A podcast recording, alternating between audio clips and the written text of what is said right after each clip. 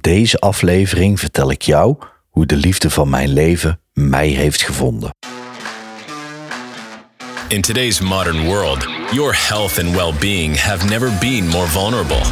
Life is changing fast, and we're here to help keep your head clear and help you make the right choices.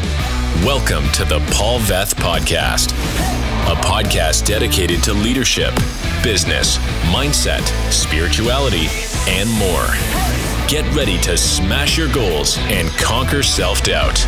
Now, here's your host, Paul Veth.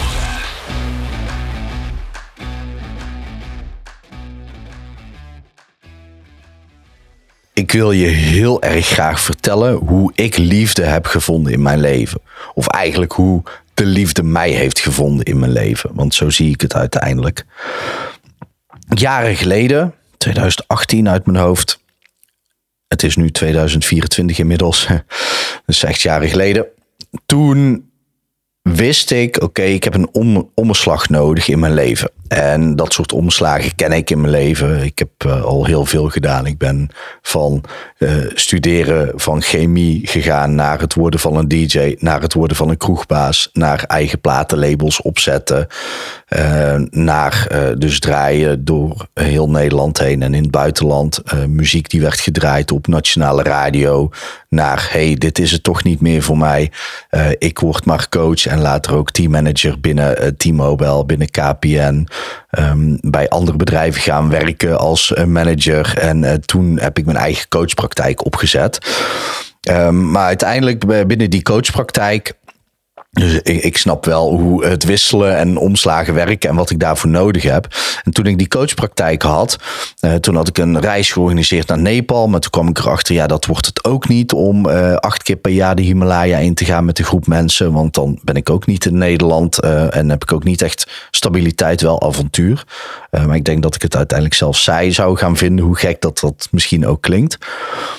Maar ik had die coachpraktijk en, en die kwam niet echt van de grond. En ik merkte dat, daar, dat er nog iets anders voor nodig was. Ik wilde ook meer de diepte in. Ik wilde echt problemen kunnen oplossen bij mensen. In plaats van met de coachingtechnieken die ik uh, gebruikte. Ja, ik loste echt wel dingen op. Maar het was te, net, net te oppervlakkig en vooral net te breed. En uh, marketingtechnisch uh, super onhandig, want ik was gewoon heel breed opgeleid als coach. Dus ik dacht, oké, maar om een business echt te lagen slagen, heb ik gewoon een betere fundering nodig voor mijn bedrijf. Dus koos ik ervoor om te zeggen, oké, ik ga fulltime werken, 38 uur in de week, zodat ik een steady basis heb qua geld. Zodat ik in mijn bedrijf geen bokkensprongen hoef te maken. Het voelde voor mij helemaal niet chill om dat te doen. Dus ik had die steady fundering en dan zei ik: oké, dan ga ik een manier vinden om uiteindelijk mijn coachpraktijk op te laten bloeien en juist die diepgang ook uh, te kunnen geven aan, aan mijn mensen, aan iedereen die bij mij in de stoel zou komen te zitten. Dus ik ging op onderzoek uit en, uh, en ik had die uh, gedegen basis. En toen dacht ik, oh ja, toen kwam ik bij hypnose uit, bij Edwin Selei, bij een seminar. En toen wist ik, oké, ja, dit is het.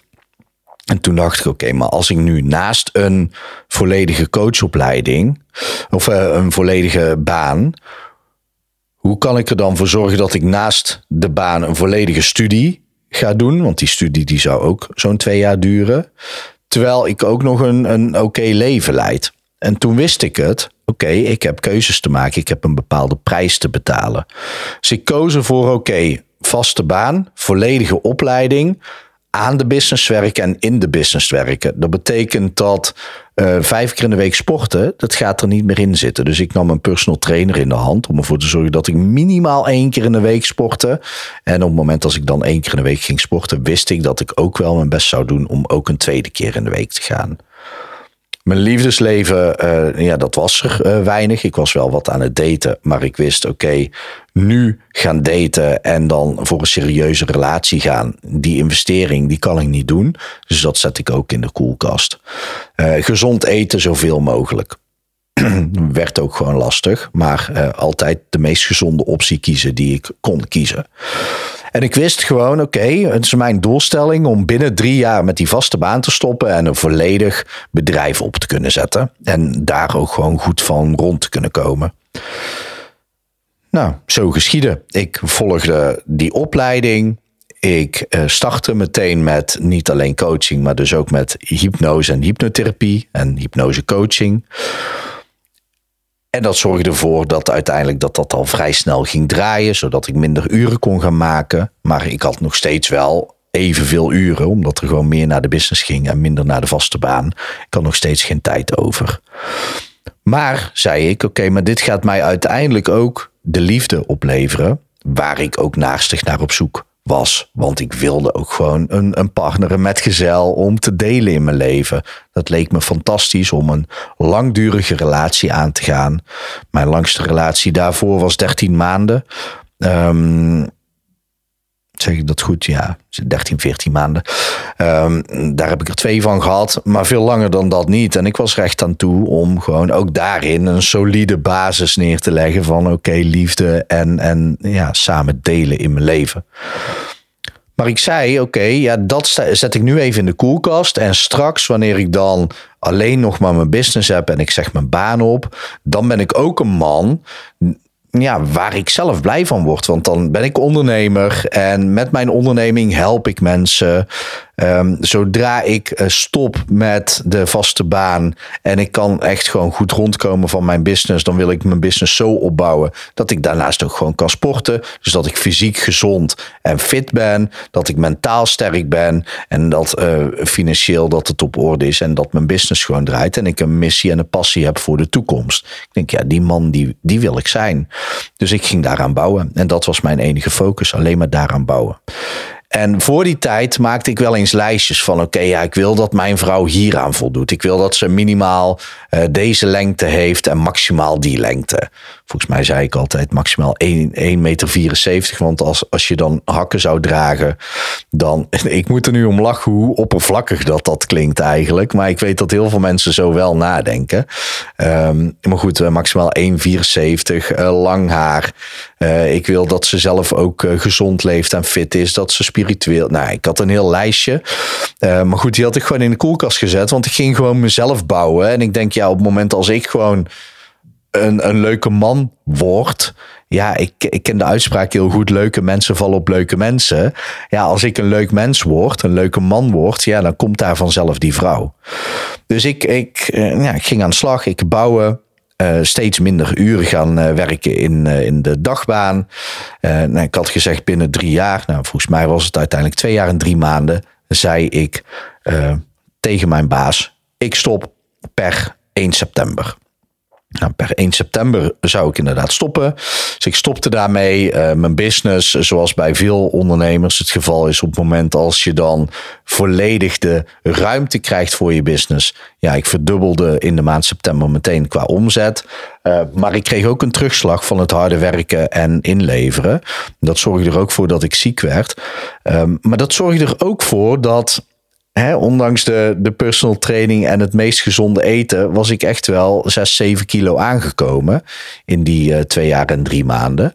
Ja, doordat ik ziek werd, raakte ik ook wel binnen twee weken tijd weer die 5, 6 kilo kwijt. Uh, niet helemaal, maar wel, wel richting uh, weer het, ja, het gezonde gewicht van wat ik daarvoor had.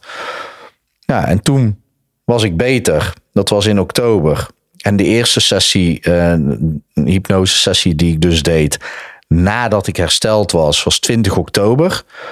Om eerlijk te zijn was ik nog niet helemaal 100% hersteld. Het uh, kost me echt veel kracht om, uh, om naar kantoor te gaan en de, de sessie uh, te doen. Ik moest echt even 20 minuten wachten voordat ik die sessie kon doen. Gelukkig had ik de tijd ingepland. En na de sessie had ik ook echt een kwartier nodig voordat ik überhaupt weer in staat was om naar huis te rijden.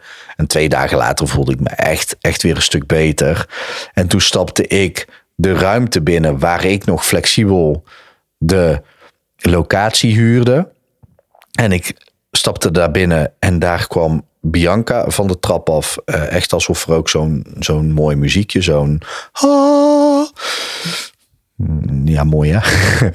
alsof er zo'n muziekje muziekje echt erbij kwam, kwam zij van de trap af. En uh, ik dacht, hey, ik ken jou. En toen dacht ik, hey, maar ik ken jou eigenlijk niet. En toen dacht ik, maar ik ken jou toch wel.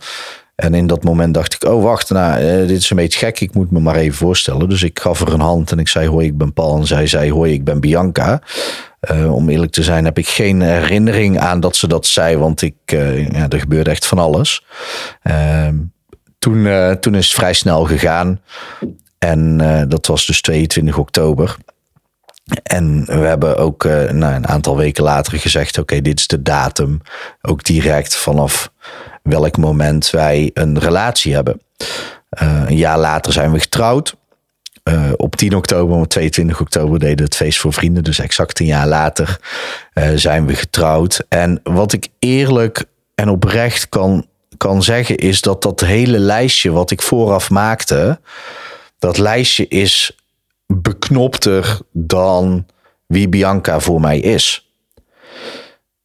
Dat lijstje, dat was misschien 30 of 40 procent ten opzichte van wat zij voor mij is en hoe het voor me voelt en hoe leuk en geweldig het is met haar. En waarom ik dit belangrijk vind, is omdat ik zeker weet dat er heel veel mensen allerlei lijstjes hebben. Maar op het moment als je het lijstje ook los kunt laten en gewoon met jezelf aan de slag gaat en gaat kijken van oké, ben ik een leuk mens voor mezelf? Voldoe ik aan mijn eigen voorwaarden? Uh, waaraan ik wil dat mijn partner voldoet. Uh, dus fit, spiritueel, dat was bij mij allemaal wel aan de orde. Maar daar ging ik met mezelf mee aan de slag. En ik liet het stukje uh, daten letterlijk los. Um, want ook, uh, ja, het was niet zo dat ik de hele tijd dacht van... oké, maar als ik dan straks de baan heb op, opgezegd en ik ga volledig voor mezelf, dan ga ik meteen daten. Nee, daar was ik helemaal niet mee bezig. Het, ik had het helemaal gelaten, want ik was gewoon mezelf en de business aan het bouwen. En daar was ik op gefocust. En ineens kwam Bianca daar, daar en blijkt ze dus zoveel meer te zijn dan wat ik ooit kon bedenken en waarover ik kon dromen. En dat gun ik jou ook op het moment als je single bent, dat jij dat je gewoon aan jezelf werkt op zo'n manier dat je denkt: oké, maar zo voel ik mezelf een leuk persoon. Gaat echt over wat jij vindt, hè? Boeit niet wat anderen vinden. Maar zo vind ik mezelf een leuk persoon. En ga lekker bewegen, sporten. Uh, doe iets van uh, spirituele oefeningen. Um, ik, ik mediteer ook echt niet elke dag een uur. Uh, maar ik, ben wel vanuit mijn geest spiritueel. Dus doe dat ook op jouw manier. Maakt niet uit op wat voor manier. Maar zorg ervoor dat je lekker gezond eet. Dat je lekker in je vel zit. Dat je een leuke passie hebt. Dat je leuke dingen doet in het leven. Dat je blij wordt. En op het moment dat je dat allemaal doet. En je schrijft dan voorwaarden op waar jij aan wil voldoen. Voor, vanuit jezelf.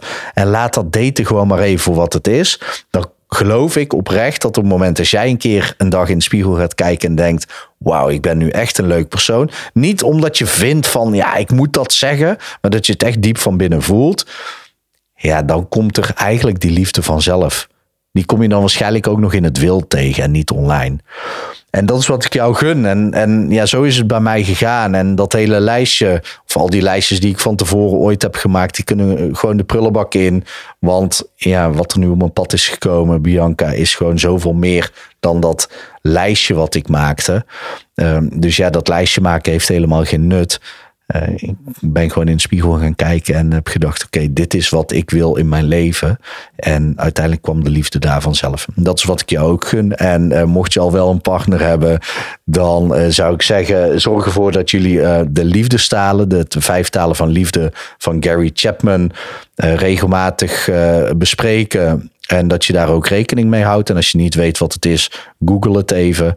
Uh, en vraag elke maand even aan je partner: hey, wat kan ik doen om een betere partner te zijn? En uh, sta dan open voor de feedback. Hè? Uh, maar dat zijn echt de belangrijkste tips om, om een fijne relatie te hebben. Maar ik wilde dit vooral op Valentijnsdag even met je delen. Ik hoop natuurlijk dat het goed met je gaat. Ik hoop dat het goed gaat met dierbaren van je. En ik wens je nog een hele mooie dag toe. Hoi. Thanks for tuning in to the Paul Veth podcast. You're officially one step closer to becoming your best self. Be sure to subscribe wherever you heard this podcast so you never miss a future episode. For more information or to connect with Paul, check him out at hypnomaster.nl or on Instagram at hypnomaster.nl. Thanks again for tuning in, and we'll see you next time.